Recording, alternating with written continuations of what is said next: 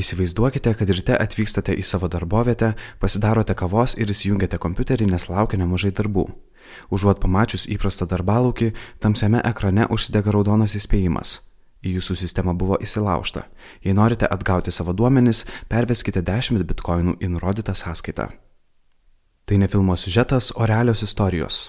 Šį pavasarį paskelbtoje valstybės saugumo departamento ataskaitoje kalbama apie nedraugiškų valstybių keliamas kibernetinės grėsmes ir dėmesys skiriamas ransomware tipo atakoms. Jas gali įvykdyti ir kibernetiniai nusikalteliai, ir specialiosios tarnybos. Ką apie tai turi žinoti verslas? Ransomware atakos skamba egzotiškai. Kaip rodo šio sukčiavimo būdo pavadinimas, tai dviejų angliškų žodžių junginys - išpirkos, ransom ir įrangos - where. Daugelis klaidingai galvoja, kad su jomis susiduria tik didelės užsienio korporacijos ar IT specialistai. Tačiau jei prisimintume praėjusio amžiaus pabaigoje didžiuosiuose šalies miestuose veikusius reketininkus, jie pinigų reikalaudavo ir iš pasiturinčių verslininkų, ir iš smulkių prekybininkų. Panašiai yra ir šiuo atveju. Kibernetinių nusikaltelių taikiniu gali tapti bet kas, prie kieno duomenų jie gali prieiti ar į kieno renginį lengviau įsilaužti. Aišku, dažniausiai taikomasi į didelės korporacijas, valdančias daugybę vartotojų duomenų. Tačiau pasitaiko atvejų, kai nuo tokio tipo atakų nukenčia ir privatus asmenys, nes tokių atakų įgyvendinimo sąnaudos nėra didelės.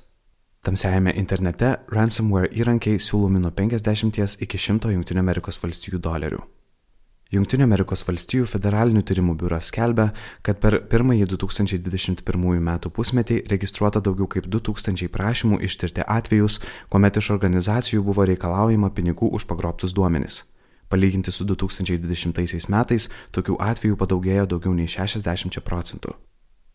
Ransomware atakos metu bandoma įsilaužti į vartotojų kompiuterį ar įmonės tinklą, ieškant saugumo spragų. Dažniausiai prie vartotojo kompiuterio ar įmonės tinklo prisijungiama nusintus nuorodą elektroniniu paštu ar SMS žinute.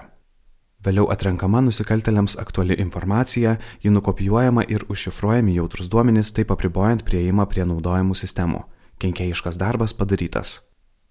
Kas vyksta toliau? Įmonės ar organizacijos tinklas nustoja veikti, o darbuotojai gauna žinutę, kad veikla bus atstatyta pervedus atitinkamą sumą į nurodytą sąskaitą.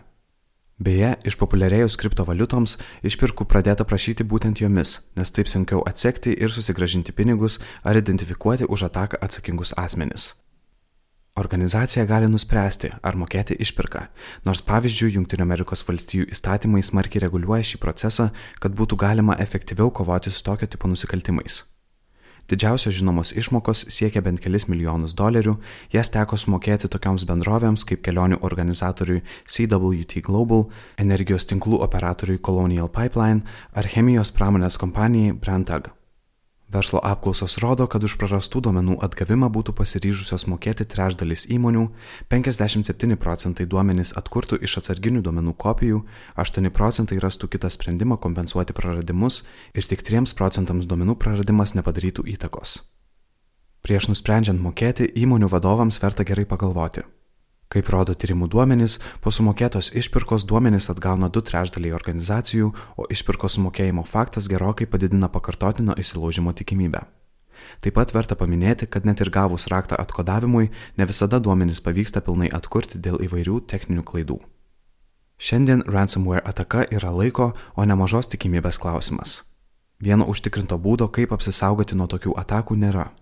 Didesnėse organizacijose į kibernetinį saugumą turi būti žvelgiama kompleksiškai. Svarbu ir techniniai sprendimai, ir pasirengimas valdyti kritinius incidentus, ir darbuotojų švietimas.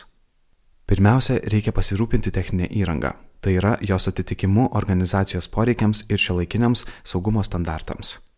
Antra, sistemų saugos auditai ir įsilaužimo simulacijos turėtų būti reguliarus pratimas didesnėse organizacijose. Taip pat reikėtų iš anksto pasirūpinti verslo testinumo užtikrinimo sprendimais. Tai atsarginės svarbiausių duomenų kopijos ir duomenų po kritinio incidento atkūrimo procesas. Trečias aspektas yra žmogiškasis veiksnys. Šiandien pagrindinės kibernetinio saugumo rizikas turi suprasti kiekvienas, nes tai yra naudojimuose skaitmeniniais įrankiais pagrindas. Praktiškai visi darbuotojai organizacijoje turėtų gebėti naudoti saugiais prisijungimo būdais su kelių lygių autentifikacija, galėti atpažinti phishing tipo atakas ar saugiai elgtis skaitmeninėje erdvėje. Skaičiuojama, kad ransomware ataka pasaulyje įvykdoma maždaug kas 11 sekundžių, o 2022 metais šie skaičiai ir toliau auga, ypač kalbant apie reikalaujamas išpirkos sumas. Tokių atakų pasaulyje gali ir toliau daugėti, nes verslo procesai vis labiau priklauso nuo sklandaus apsikeitimo informacija, o dėmesys duomenų saugumui daug kur nėra pakankamas. Kaip įspėja valstybės saugumo departamentas, lietuviškos įmonės ir organizacijos taip pat gali sulaukti programišių iš nedraugiškų valstybių dėmesio. Tam turi būti pasiruošusi kiekviena įmonė. Komentarą paruošė Svetbank informacinės saugos vadovė Žygėda Augonė. Įgarsino Kristijonas Vaičiukauskas.